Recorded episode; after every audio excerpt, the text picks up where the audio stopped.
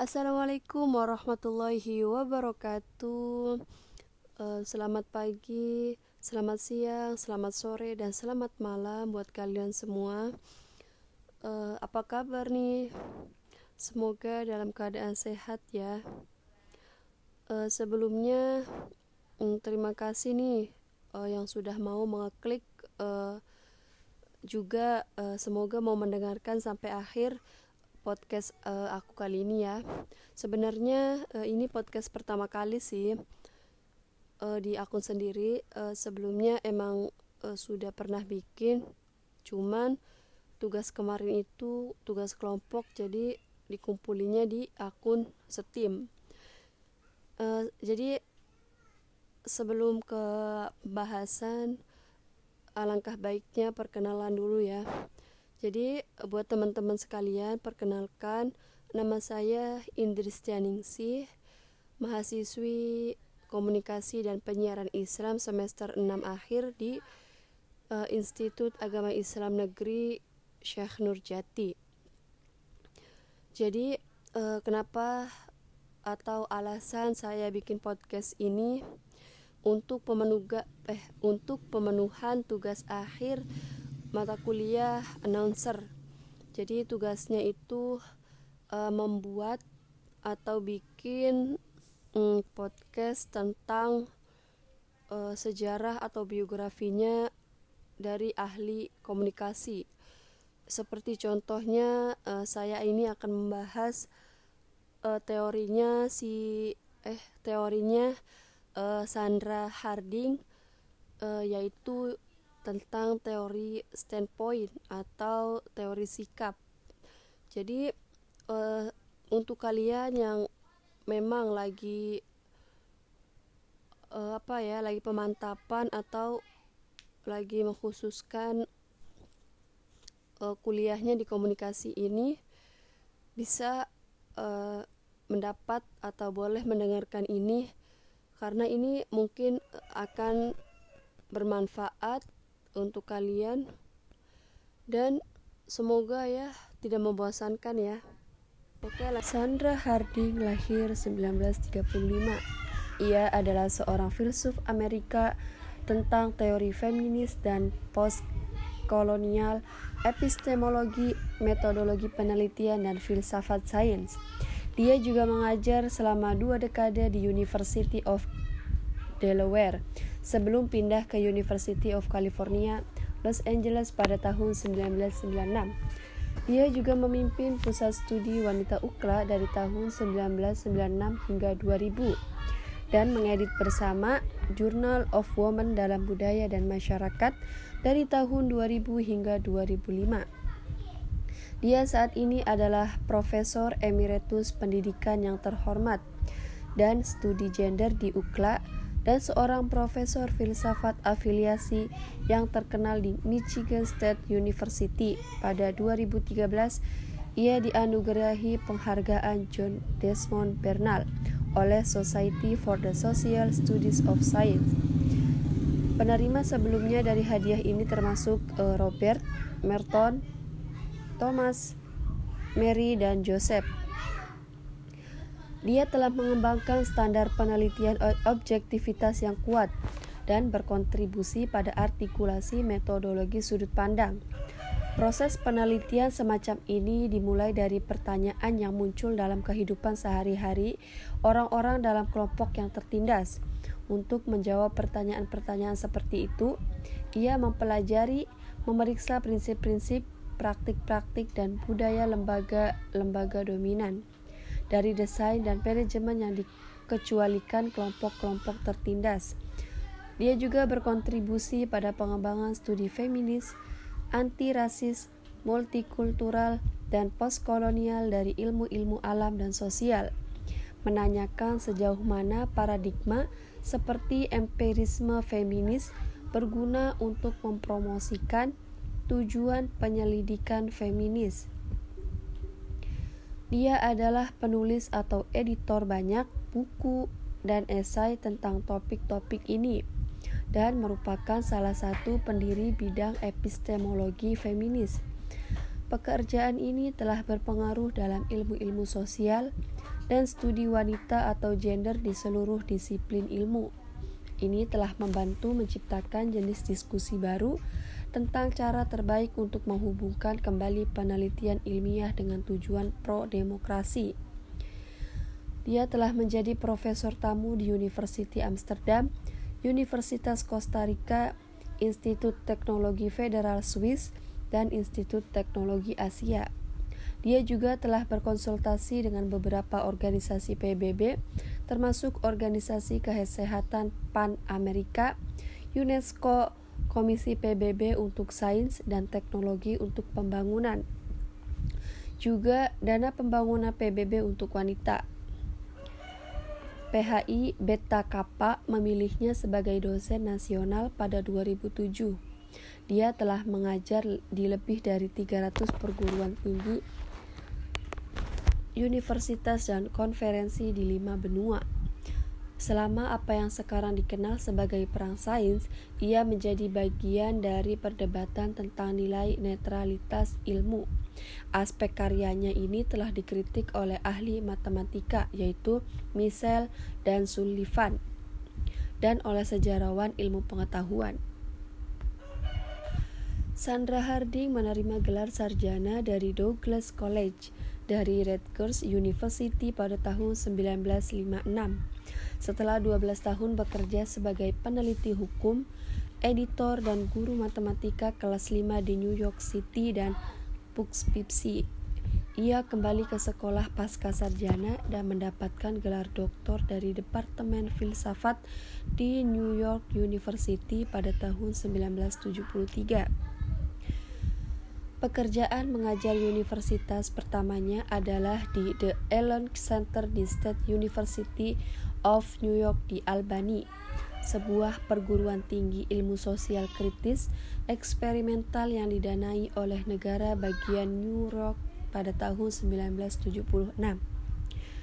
Dia kemudian bergabung dengan Departemen Filsafat di Universitas dari Delaware dengan penunjukan bersama untuk program studi wanita.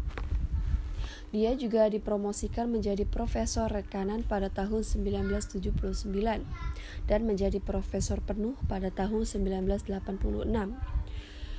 Nah, dari tahun 1981 sampai dia meninggalkan Delaware pada tahun 1996, dia mengadakan pengangkatan bersama ke Departemen Sosiologi dia adalah direktur program studi wanita di Delaware tahun 1985 sampai 1991. Nah, dari 1994 hingga 96 ini, ia ada ia adalah seorang asisten profesor di bidang filsafat dan studi wanita di UKLA dengan paruh waktu. Jadi, pada tahun 96 ini ia diangkat sebagai direktur pusat studi wanita UKLA. Dia memegang posisi itu sampai tahun 2000. Sementara itu, sejak tahun 1996, dia telah menjadi profesor di Departemen Pasca Sarjana Pendidikan dan Departemen Studi Gender di UCLA. Pada tahun 2012, ia mulai diangkat sebagai profesor pendidikan dan studi gender yang terhormat dari tahun 2000 hingga 2005. Setelah itu, dia telah mengadakan kunjungan profesor tamu di Universitas Amsterdam uh, pada tahun 2011 ia pun diangkat sebagai profesor afiliasi terhormat di Departemen Filsafat di Michigan State University. Dia juga telah menjadi konsultan untuk beberapa organisasi, organisasi PBB termasuk Komisi PBB untuk Sains dan Teknologi. Sandra Harding uh, telah mencetus uh, teori komunikasi yaitu teori sikap atau standpoint. Jadi uh, teori standpoint atau teori gender yang dicetuskan oleh Sandra Harding dan Julia Wood ini premis utamanya teori ini menjelaskan tentang uh, standpoint atau bisa juga dikatakan perspektif, posisi, viewpoint atau outlook yang melekat pada diri seseorang. Standpoint standpoint teori menegaskan bahwa jika kita ingin mengetahui dunia, maka salah satu caranya adalah memahami standpoint perempuan atau kaum marginal lainnya. Sandra Harding dan Julia Wood juga mengklaim bahwa kelompok-kelompok sosial di mana kita berinteraksi atau tinggal sangat mempengaruhi pengalaman dan pengetahuan kita, termasuk bagaimana kita memahami dan berkomunikasi dengan diri sendiri, orang lain, dan juga dunia. Selanjutnya, teori standpoint menegaskan bahwa kita dapat menggunakan ketidaksetaraan gender, ras, kelas, dan orientasi seksual untuk mengamati dan meneliti bahwa perbedaan kelas sosial akan menghasilkan sesuatu yang khas. Dalam hubungan sosial, lebih khususnya, Harding mengatakan bahwa ketika kita berbicara dengan orang dengan kekuasaan yang tidak sama, dapat terjadi perbedaan sudut pandang. Perspektif dari kaum marginal ini akan lebih objektif dibandingkan dari dengan kaum yang memiliki kuasa. Nah, ilustrasi bahwa standpoint seorang feminis berakar pada filosofi dan literatur. Seorang filosof Jerman e, yaitu George Hegel menganalisis hubungan antara majikan atau budak untuk menunjukkan bahwa apa yang orang tahu tentang diri mereka, orang lain dan masyarakat akan sangat tergantung pada lingkungan di mana mereka berada saat itu.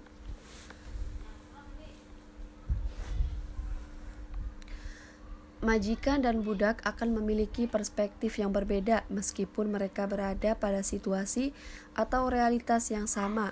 Namun, ketika para tuan membangun struktur masyarakat, mereka memiliki kuasa untuk membuat perspektif yang mereka miliki dianut oleh orang-orang dari kaum yang lain.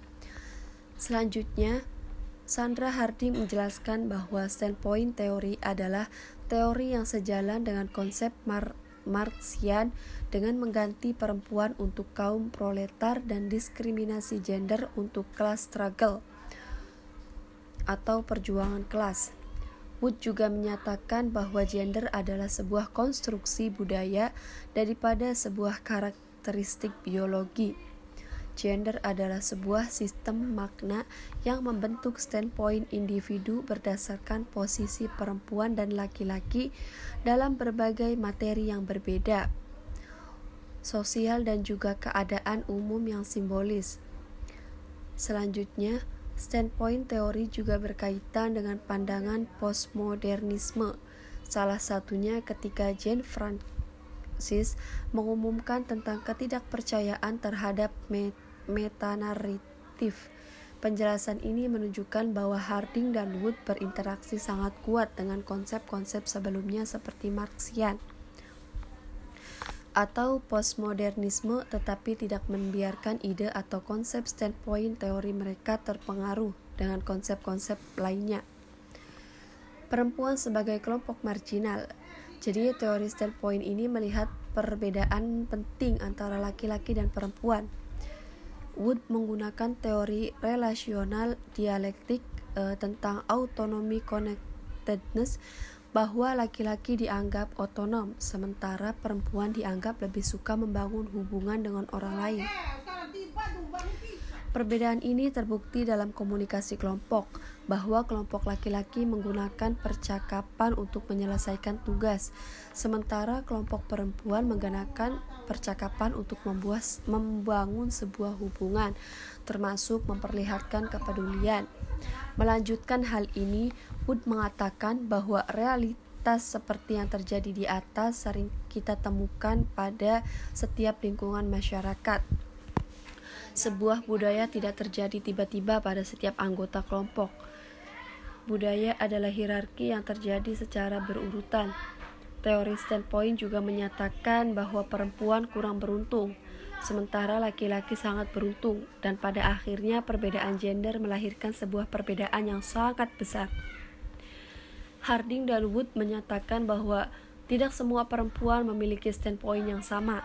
Di samping isu gender, Harding juga menekankan bahwa kondisi ekonomi, ras, dan orientasi seksual adalah tambahan identitas budaya yang dapat membawa seseorang ke tengah-tengah masyarakat atau justru mengucilkan mereka dari lingkungannya. Standpoint teori pada akhirnya juga dapat menjelaskan posisi-posisi marginal seperti kaum lesbian. Standpoint teori ini juga menekankan pentingnya lokasi sosial untuk meyakinkan bagaimana pemegang kekuasaan memiliki hak istimewa untuk mendefinisikan tentang perempuan, laki-laki, atau apa pun yang berkaitan dengan kebudayaan. Knowledge from New Her Virtual Local Knowledge Harding berargumen bahwa sekelompok sosial yang mendapat kesempatan untuk mendefinisikan masalah-masalah, konsep, asumsi, dan hipotesis penting tentang sebuah subjek akan meninggalkan jejak sosial atau sejarah dalam bentuk sebuah penelitian di bidang tersebut. Harding dan ahli teori standpoint lainnya juga menekankan bahwa tidak ada kemungkinan perspektif yang tidak bias yang tertarik, berimbang, bebas nilai atau terpisah dari sebuah situasi bersejarah. Selanjutnya, baik ilmu pengetahuan alam atau ilmu pengetahuan sosial selalu saja bergantung pada situasi dan waktu. Jadi pada intinya knowledge from new here berbanding terbalik dengan local knowledge bahwa local knowledge bergantung pada situasi dan waktu sementara knowledge from you here bersifat bebas nilai selanjutnya kekuatan objektivitas Nah, tinjauan ini lebih parsial dari standpoint perempuan. Hardy menggunakan konsep strong objectiveness untuk melihat strategi mengawali penelitian tentang kehidupan perempuan dan kaum marginal lain di mana kepentingan dan pengalaman perempuan serta kaum marginal tersebut diabaikan. Dalam hal ini, standpoint teori dikatakan dapat memberikan perspektif secara lebih menyeluruh dibandingkan perspektif yang dimiliki laki-laki. Nah, ada dua alasan nih mengapa Harding mengatakan demikian.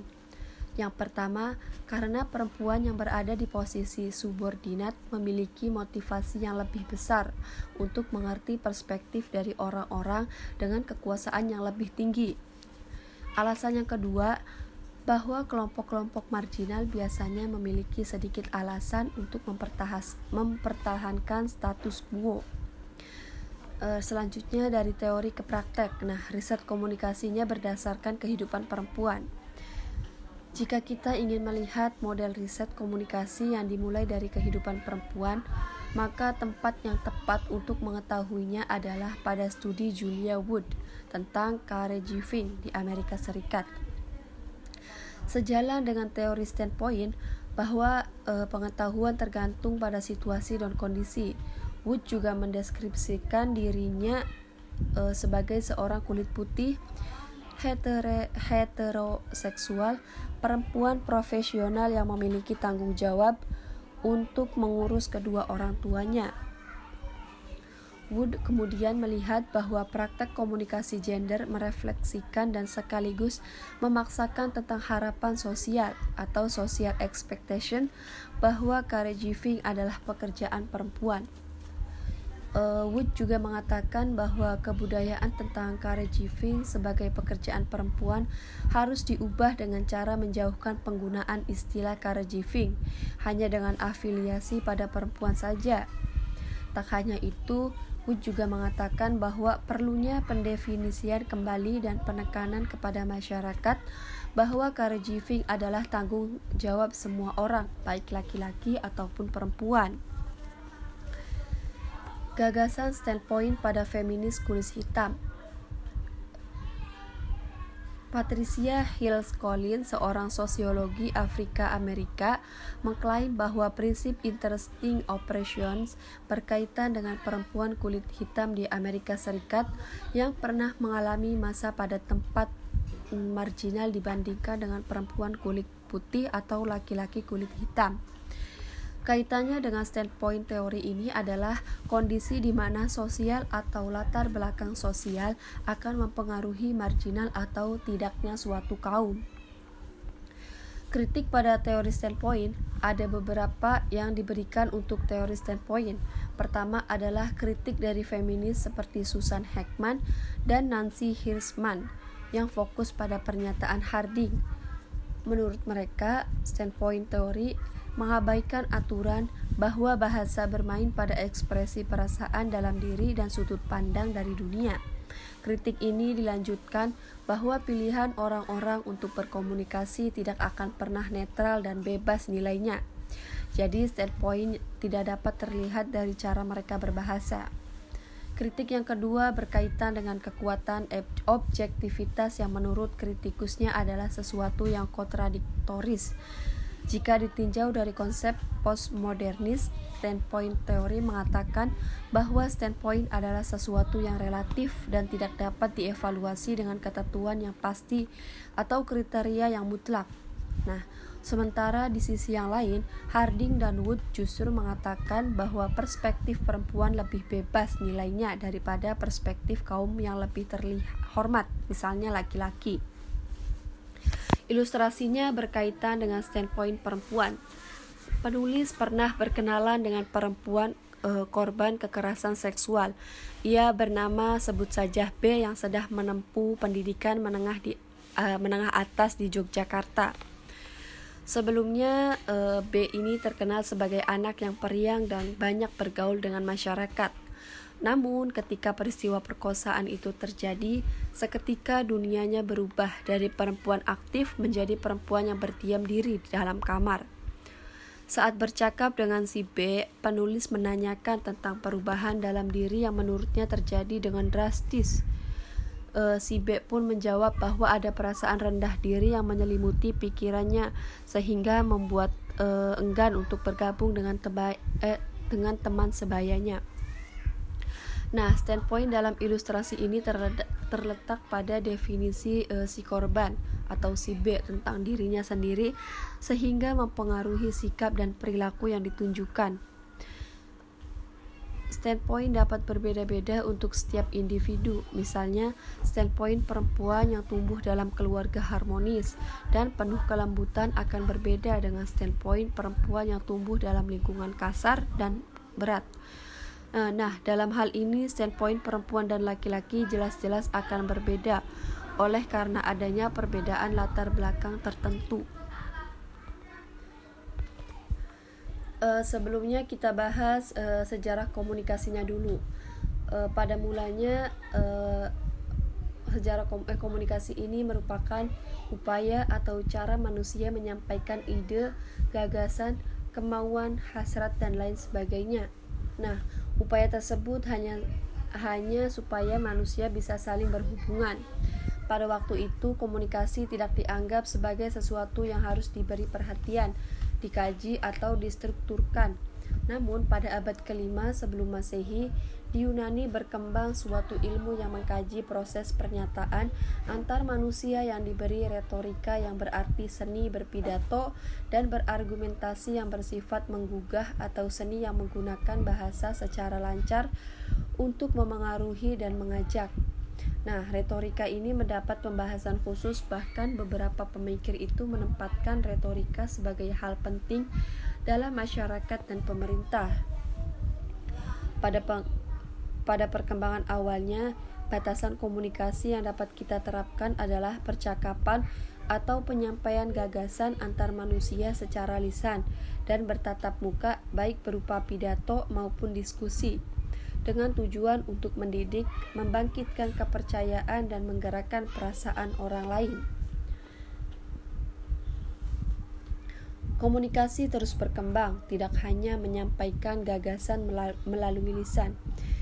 Pada zaman Kekaisaran Romawi, Julius Caesar membuat papan pengumuman yang dinamakan Akta di Urna. Penyampaian gagasan mengenai apa yang penting bagi masyarakat telah bertambah dari sekedar lisan menjadi bentuk tulisan. Hal ini terus berkembang setelah ditemukannya kertas, penemuan mesin cetak, dan terbitnya surat kabar pertama. Setelah surat kabar, peradaban manusia juga berkembang dan ditemukanlah radio, film, televisi, dan sejumlah media lain. Nah, asal-usul ilmu komunikasi itu tersendiri uh, asal usul ilmu komunikasi itu sendiri sebenarnya tampil pada zaman Yunani kuno yang digagas uh, oleh Aristoteles. Toteles.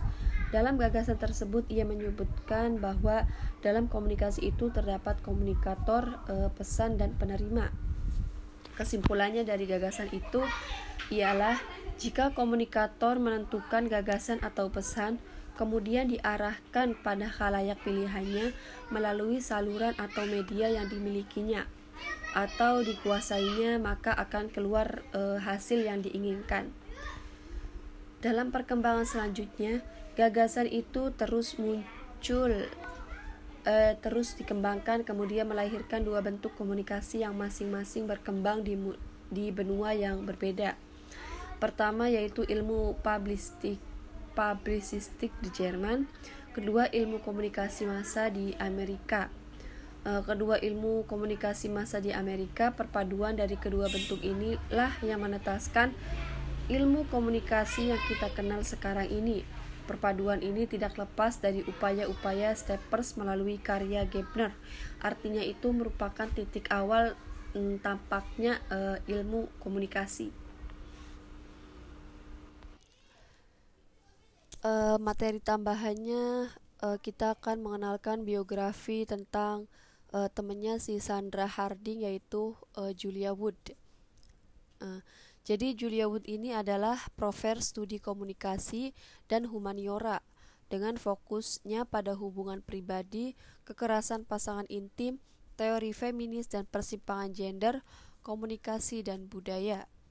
Dia juga telah menulis uh, atau mengedit lebih dari 20 buku atau 70 artikel tentang topik tadi. Nah, uh, sejarah atau latar belakangnya Julia Wood ini lahir di Bethesda atau Maryland dan dibesarkan di North Carolina uh, di mana ia memperoleh gelar BA di North Carolina State University pada tahun 1972. Dari sana ia mendapat gelar MA di University of North Carolina Chapel Hill pada tahun 1973 dan gelar PhD di Pennsylvania State University pada tahun 1975. Untuk karirnya sendiri e, dari tahun 1973 sampai 1975, Julia Wood adalah seorang instruktur e, di The Pennsylvania State University. Setelah memperoleh gelar PhD, Wood mulai sebagai asisten profesor di University of North Carolina di Chapel Hill. Uh, pada tahun 80-an, Wood memulai penelitiannya dalam komunikasi antar pribadi dengan fokusnya pada dinamika kekuatan dalam etika komunikasi. Kemudian fokusnya beralih ke feminisme kekerasan, kekerasan pasangan intim dan dinamika gender dalam budaya. Dalam studinya ini, ia telah mewawancarai pria dan wanita tentang pengalaman mereka uh, tentang hubungan heteroseksualnya yang kejam. Nah, beberapa bukunya juga uh, yang ditulis Wood termasuk Communication in Our Lives, Gender Life, dan But I Talk You Mean. Untuk kontribusi lainnya, uh, Wood telah mendapatkan lebih dari eh, uh, 30 penghargaan dan penghargaan untuk karyanya termasuk Cash Award atau Profesor Terbaik tahun ini di North Carolina pada tahun uh, 1998 ya. Jadi uh, dalam buku itu yang Gender Scholar of the Year pada tahun 2007 dan hadiah George dan Johnson untuk prestasi seumur hidup uh, pada masa eh pada tahun 2010. Mungkin uh, itu saja uh, biografi uh, sekilas dari uh, Julia Wood ya. Ya, uh, itu tadi perjalanan hidup Sandra Harding uh, dari mulai biografinya, uh, perjalanan karirnya, uh, lalu bagaimana akhirnya ia mencetuskan teori dan menjadikan ia tokoh komunikasi yang terkenal pada masanya. Uh, semoga uh, kalian yang mendengarkan sampai akhir ini mendapatkan ya setidaknya uh, pengetahuan uh, sedikit tentang uh, tokoh komunikasi. Syukur-syukur uh, kalian termotivasi dengan uh, perjalanan hidupnya ya. Uh, juga saya ucapkan terima kasih uh, untuk beberapa sumber yang sudah mendukung uh, saya untuk uh, bikin podcast kali ini. Uh, di antaranya ada Wikipedia, terus ada pakarkomunikasi.com dan belajarkomunikasi.com. Oke, uh, segitu aja kali ya podcast kali ini. Terima kasih buat teman-teman uh, yang sudah mau mendengarkan sampai akhir. Ya, walaupun aku tahu kalian tidak ada juga yang mendengarkan podcast ini sampai akhir karena ya memang mungkin membosankan. Oke, uh, pokoknya banyak-banyak terima kasih aja buat kalian yang uh, sudah mau mampir di podcast aku. Dan sampai jumpa di podcast selanjutnya.